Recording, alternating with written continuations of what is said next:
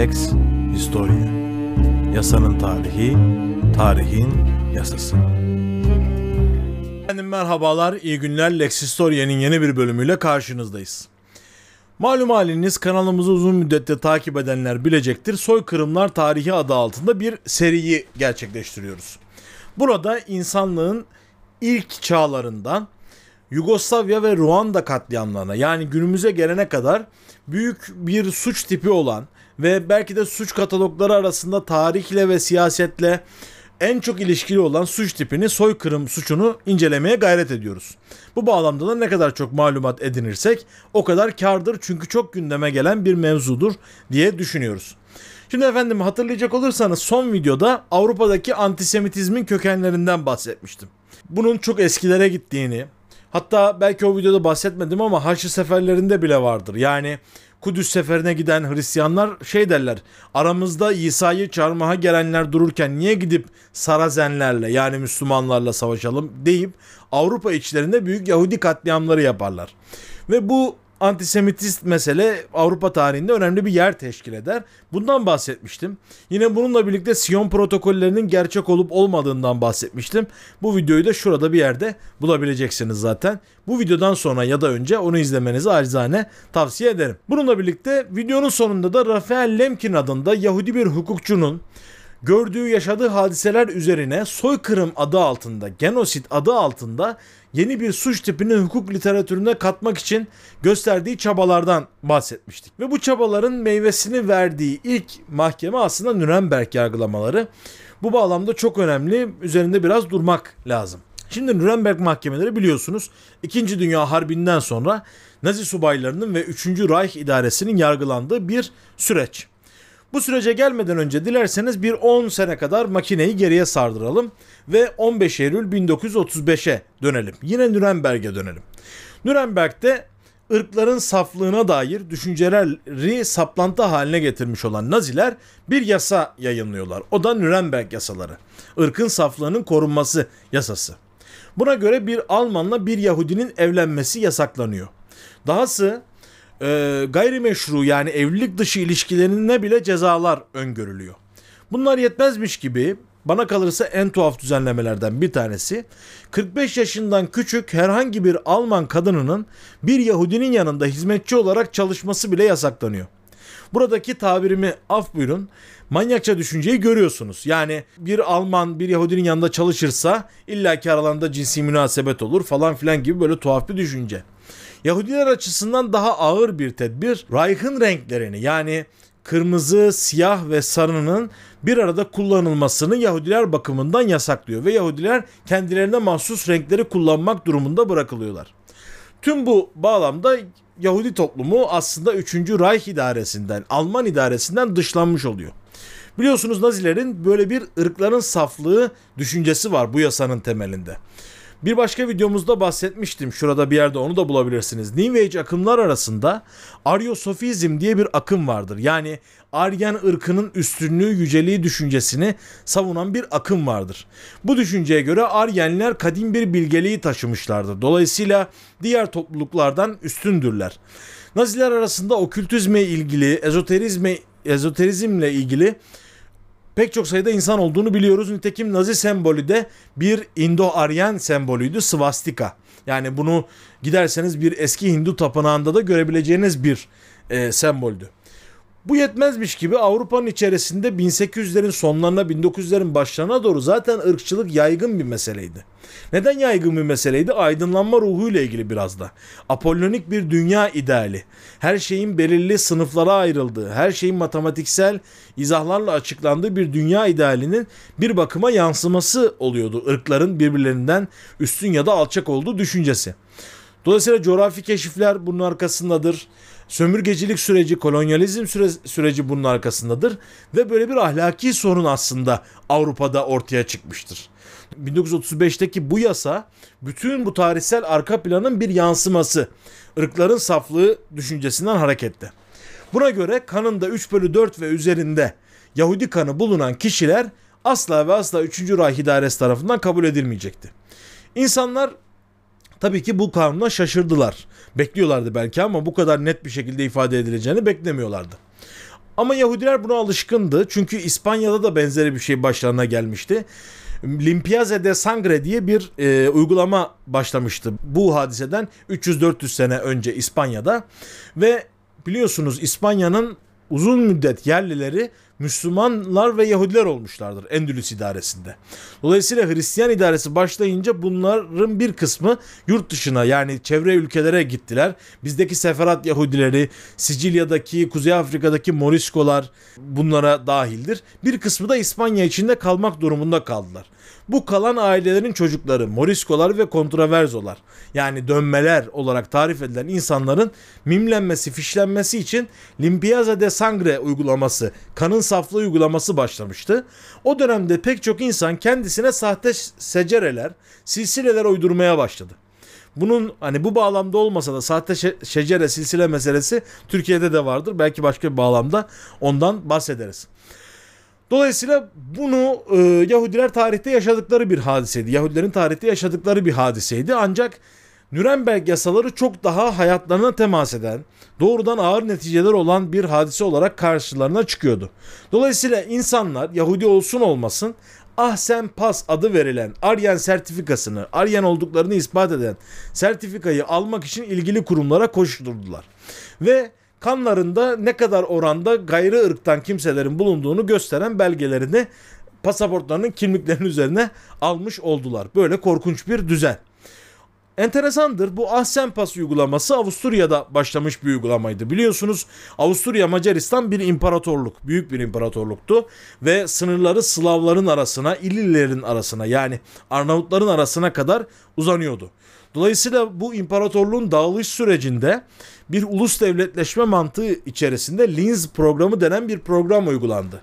Bu programın mucitleri arasında Viktor Adler gibi Yahudiler de bulunuyordu.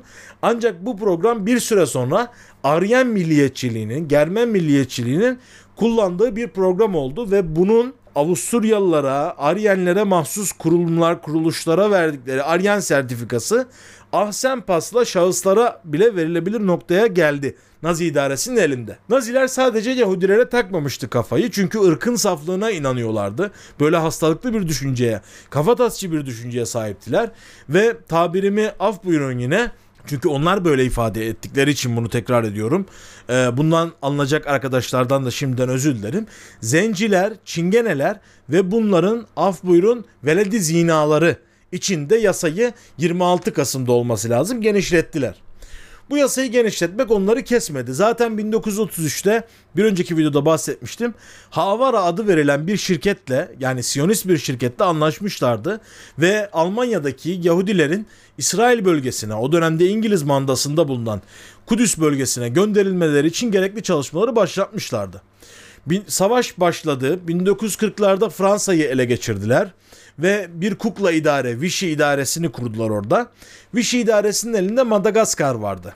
Bir ada e, yapısı biliyorsunuz ve bu adaya da Yahudileri sürmek, burada bir süper getto oluşturmak düşüncesi akıllarına geldi. Ancak savaş şartlarında bunu da başaramadılar. Hal böyle olunca nasıl sağlayacaklardı ırkların saflığını? Kirli gördükleri ırkları yok ederek. 1941'de çalışma kampları başladı ki 1941'deki çalışma kampları benim az önce bahsettiğim 1935'teki Nürnberg kanunlarıyla kurulmuştu. Neden Zuchthaus dedikleri çalışma kampları bu yasaya uymayan, ırkın saflığını bozanların cezalandırılacağı yerler olarak ilk başta kurulmuştu. Daha sonra toplu bir katliam ve konsantrasyon merkezine dönüştürüldü bu yapılar. Dolayısıyla 42'den itibaren de çok ağır bir biçimde soykırım hareketi başladı. Sadece Yahudilere değil. Mesela romanlar da bu e, soykırım hadisesini anarlar. E, Yad Vashem gibi. Romanlar bu hadiseyi Porajmos olarak isimlendirirler ve kendilerine uygulanan bir soykırım olarak görürler ki haklıdırlar. Sadece onlar değil sakatlar, e, bir kısım eşcinseller ki aslında Naziler arasında da SS subayları arasında da çok üst düzeyde böyle insanlar olmasına rağmen Yahova şahitleri enteresandır. Polonya'daki, Rutanya'daki, Ukrayna'daki Slavlar toplu katliama tabi tutuldular. Ta ki 7 Mayıs 1945'e kadar. General Jodl Berlin'de teslim havlusunu attığında Nazilerin en üst düzey yani kafa isimleri olan Hitler, Himmler ve Goebbels intihar etmiş bulunuyordu. Berlin düştükten sonra Nazi idaresi yıkıldıktan sonra soykırım süreci de bir yerde sona ermiş oldu. Ve savaş suçlularının bir şekilde yargılanması gerekiyordu. Bu düşünce ortaya çıktı. İkinci Dünya Savaşı Müzesi'nin kayıtlarına göre Stalin aslında bunların 50 bin ila 100 bin arasındaki Almanın doğrudan idam edilmesini savundu. Fakat Amerikan tarafı yapılacak bir yargılamanın bu suçun dünyaya ilan edilmesi ve bir vesikaya bağlanması bakımından ehemmiyet arz ettiğini beyan etti. Dolayısıyla bir mahkeme arayışı, bir mahkeme kurma arayışı ortaya çıktı. Tabi enteresandır. Yani bunu ben daha önceki videolarda da söylemiştim. Savaşın kendisi bir insanlık suçudur. Barışa karşı bir suçtur. Dolayısıyla savaşın her tarafı belki de yargılanmalıydı. Nitekim Sovyetlerin 2. Dünya Harbi sırasında yapmış olduğu katliamlar Hitler'den az kalır değildir. Hakeza Hiroşima ve Nagasaki'ye atılan bombalar Japonların yapmış olduğu soykırımdan daha az kalır değildir. Ancak tarihi galipler yazar biraz yanlış bir klişe olsa da hukuku galipler belirler meselesi bir ölçüde doğru bir klişedir desek geri. Dolayısıyla burada da aynı şey devreye girdi ve Naziler Nazileri yargılama safhasına geçmek için hazırlıklar başladı. Bu bağlamda bir mahkeme heyeti önce oluşturuldu. Üç tane hakim Amerika'dan gelecekti. Bunlar arasında Peter Jackson bulunuyordu, yüksek hakim. Ve onun yardımcısı bizim bir önceki videoda bahsettiğimiz Rafael Lemkin'di. Rafael Lemkin bu sırada iddianamenin hazırlanması sürecinde soykırım ismi de geçsin, soykırım suçunun adı da geçsin diye çalışma yapıyordu. Peter Jackson iddianameye bunun konulmasını sağlayacaktı. Ancak e, mahkumiyet noktasına gelindiğinde daha önceden sınırları belirlenmemiş, tarif edilmemiş ve zaten bundan sonra Birleşmiş Milletler Soykırım Sözleşmesi ilan edilecek. O ilan edilmemiş bulunduğundan mahkumiyet noktasında genosit hükmüne varılmadı ama iddianameye geçmiş oldu ve Rafael Lemkin bir zafer kazanmış oldu bu mahkemeye hazırlık sürecinde. Yine mahkemenin başkanı bir İngiliz asilzadesiydi. Oxy baronu e, Geoffrey Lawrence'tı. Sir Geoffrey Lawrence'tı. Bununla birlikte bir İngiliz hakim daha bulunuyordu. iki Fransız hakim bulunuyordu. iki Rus hakim bulunuyordu. Böylece bir mahkeme heyeti teşkil etti. Sanıkların aranmasına başlandı. Amerikalılar normalde 2500 kişiyi yargılamayı düşünüyorlardı. Ancak bunların önemli bir kısmını bulamadılar. Çünkü Naziler Arjantin gibi, Brezilya gibi, Meksika gibi ülkelere kaçmışlardı önemli bir kısmı ve burada yeni kimliklerle yaşamlarını sürdürüyorlardı. Nitekim Adolf Eichmann böyle bir yaşam sürdürürken yakalanıp İsrail'e getirilecek daha sonra ve burada yargılanacak. Dolayısıyla bir kısmını yakalayamadılar. Bir kısmını lojistik sebeplerle mahkeme karşısına getiremediler. Bir kısmını da en tuhaf tarafı yargılamak istemediler. Çünkü bu insanlardan istifade edeceklerdi. Bugünlerde Netflix'te de yayında olan Camp Confidential diye bir belgesel var. Bunu lütfen izlemenizi tavsiye ediyorum. Çok hoş bir belgesel. Posta kutusu 1142 olması lazım. Böyle bir özel bölge kuruyor Amerikan idaresi ve Nazilerle işbirliği yapmış olan bilim adamlarına burada tenis kortları, havuzlar, şunlar bunlar yapıyor. Güya plan şu e, Nazilerden kaçıp Amerika'ya sığınmış olan Yahudileri askere alacaklar. Bunları bu kampa garson olarak yerleştirecekler, hizmetçi olarak yerleştirecekler ve roket planlarını vesaire sızdıracaklar. Güya plan bu. Daha sonra buradaki Yahudi askerler şunu fark ediyorlar. Alman Nazi bilim adamlarına iltimas geçiliyor ve bunlar bir süre sonra serbest bırakılacak. Nitekim Apollon füzesinin gökyüzüne fırlatılmasında ön ayak olan, Sovyetlere karşı Amerika'nın kazanmasını sağlayan Werner von Braun bir Nazi subayıydı ve Nazi roket teknolojileriyle ilgileniyordu. Dolayısıyla Sovyetler tarafında da benzer örnekler vardır. Böyle bir ikiyüzlülük de vardı. Yani e, Nazilerin hepsini değil işlerine yaramayanları yargılamak istiyorlardı. Nitekim bu bağlamda bir sanık listesi oluşturdular. 24 tane üst düzey Nazi subayı bu sanık listesine girdi. Kimler mesela? Rudolf Hess gibi, Franz von Papen gibi, Hermann Göring gibi bazı kilit isimler listeye girdiler. Onlarla birlikte 177 kişi mahkeme karşısına çıkartıldı. Bunlardan yalnız Robert Ley yani Alman işçi cephesinin lideri mahkemeye çıkmadan bir gün önce intihar ederek yaşamına son verdi, yargılanmadı. Tabi dediğimiz gibi şimdi sanıklar Alman. Hakimler arasında Fransızlar var, İngilizler var, Ruslar var, Amerikalılar var. Dolayısıyla bir lisan problemi var. Bunun için bir tercümanlar heyeti oluşturuldu ve simultane tercüme yapılmaya başlandı. İlginçtir bu simultane tercüme için gerekli ekipmanı sağlayan şirkette IBM'di. Bizim bildiğimiz büyük yazılım ve bilgisayar markasıydı. Dolayısıyla IBM'in tarihe damga vurduğu noktalardan bir tanesi de bu yargılamalar, Nürnberg yargılamaları oldu. Bu bağlamda mahkeme başladı. Barışa karşı suçlar, insanlığa karşı suçlar kapsamında yargılama başladı. Bu yargılamanın bütün aşamalarını öncesiyle sonrasıyla bulabileceğiniz hoş bir kitap var. Michael Merus tarafından yazılmış The Nuremberg War Crimes Trial diye bir kitap. Ben bunun e, detaylı künyesini bu videonun açıklama kısmına koyacağım.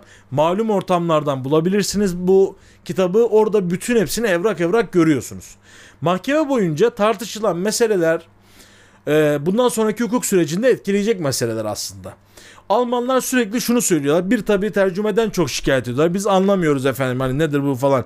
Bizi durduk yere mahkum edeceksiniz diyorlar. İki galipler tarafından yapılan bir yargılamadır. Bu adil değildir diye sürekli söylüyorlar.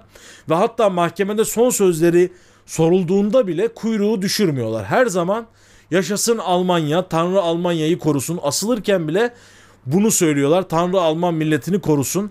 Bazen de çok yaşa Almanya tarzında sloganlar atıyorlar. Yani mahkeme boyunca böyle bir şey var. Zaten hızlı bir mahkeme süreci bu. Ee, onu da söylemek lazım.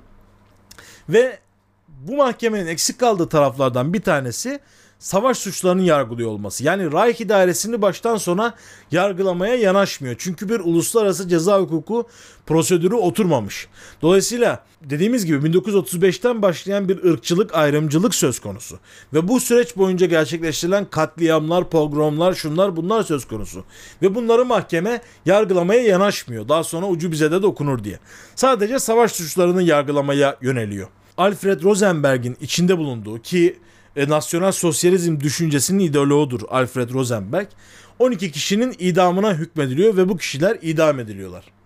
Kalan 12 sanıktan yani 24 üst düzey sanıktan biri yargılama sırasında intihar ediyor Hermann Göring. 3 sanık beraat ediyor enteresan bir şekilde ve mahkeme sırasında kayıp olan Martin Bormann'ın cezası hiçbir zaman infaz edilemiyor. Tabi Nazilerin yargılaması bununla sınırlı kalmadığını söyledi. 177 kişi. Ancak bunlardan bir kısmı 5-10 e, sene sonra yavaş yavaş salınmaya başlanıyor. İşler normalleştikçe paçayı kurtarmış oluyor. Dolayısıyla mahkeme aslında 12 kişiyi asmak haricinde net bir netice üretememiş oluyor. Ancak bu mahkemeyle birlikte bizim hukuk literatüründe tartışmaya başladığımız meseleler önemli. Bir defa uluslararası ceza hukukuna duyulan ihtiyaç gündeme geliyor ve soykırım adı altında yeni bir suç tipine duyulan ihtiyaç gündeme geliyor. Nitekim mahkemeden çok kısa bir süre sonra Birleşmiş Milletler soykırım hakkında bir sözleşme imzalıyor, bir bildirge yayınlıyor. Dolayısıyla soykırımda katalog suçların arasına girmiş oluyor, hukuk literatürüne girmiş oluyor. Diğer bir hadise yani bu özel yetkili mahkemelerle sınırlı kalmaması adına bir uluslararası ceza mahkemesinin kurulma süreci buralardan başlıyor aslında. İlerleyen süreçte bunun detaylarını da vereceğiz. Bunlardan daha önemli olan şey bana kalırsa biraz bunun üzerinde duracağım ve uzun uzadıya anlatmak istiyorum. Mahkeme sırasında şöyle bir savunma var. Biz emir kuluyduk kardeşim. Bize emrettiler yaptık. Biz basit subaylarız diye bir savunma var. Bu aslında hukuk literatüründe çok tartışılan bir meseledir. Yani kanunsuz emre uyulur mu uyulmaz mı? Bir faşist idare, bir diktatör idare bir memura bir şey emrettiği zaman memur buna uymak zorunda mıdır değil midir? Buna ilişkin tartışma çok köklü bir tartışmadır. Aslına bakarsanız Nazilerin hukuk düşüncesi Alman pozitivizmine dayanıyordu. Bu çok keskin, rigid bir pozitivizmi öngörüyordu. Yani ne demek? Bir kanun varsa uygulanır kardeşim. Bir emir varsa uygulanır. Bu ahlaka uyar mı? İnsan haklarına uyar mı? Hukukun genel ilkelerine uyar mı diye sorgulamak kimsenin adine değildir. Çünkü pozitivist mantığa göre doğal hukuk veyahut hukukun işaret ettiği bir ideler, e, idealler sistemi, adalet dediğimiz ide söz konusu değildir. Kanun neyse odur, o uygulanmalıdır. Dolayısıyla Nazi idaresi de böyle yaklaştı. Ve pek çok Nazi subayı kanunsuz emirleri uygulamak durumunda kaldı. Daha doğrusu hukuksuz emirleri uygulamak durumunda kaldı. Ve kendilerini böyle savundular. Buna rağmen mahkum edildiler. Çünkü kanunsuz emre uyulmaması iktiza eder. Söz gelimi. Şu anda bir devlet memurusunuz. Devlet memuru olarak size üstünüz dedi ki git kardeşim şu adamı öldür. Ama neden öldür?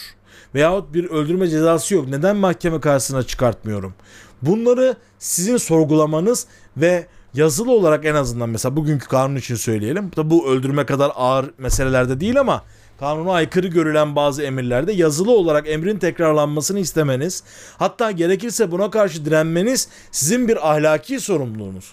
Bu ahlaki sorumluluğa uymuyorsanız siz de gün gelir o faşist ya da diktatör idarenin yapmış olduğu, işlemiş olduğu suçlardan siz de suçlanırsınız. Siz de bunlardan yargılanırsınız.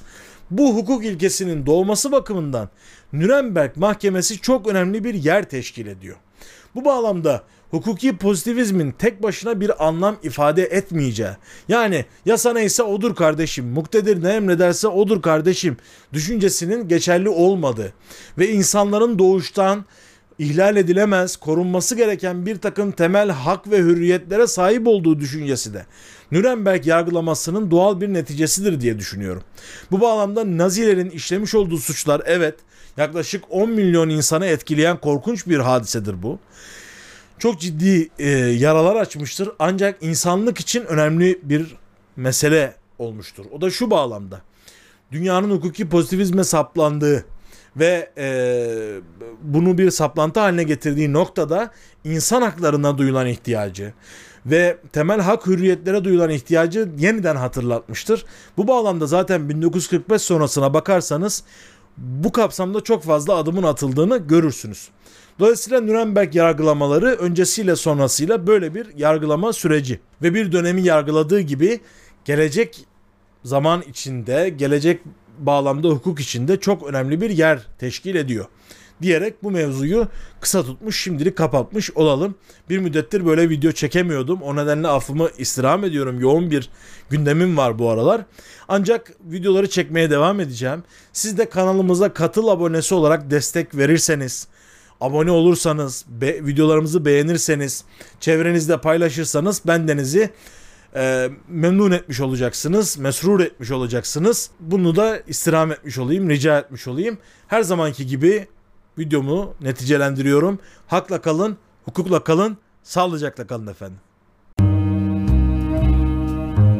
Lex Historia Yasanın tarihi, tarihin yasası.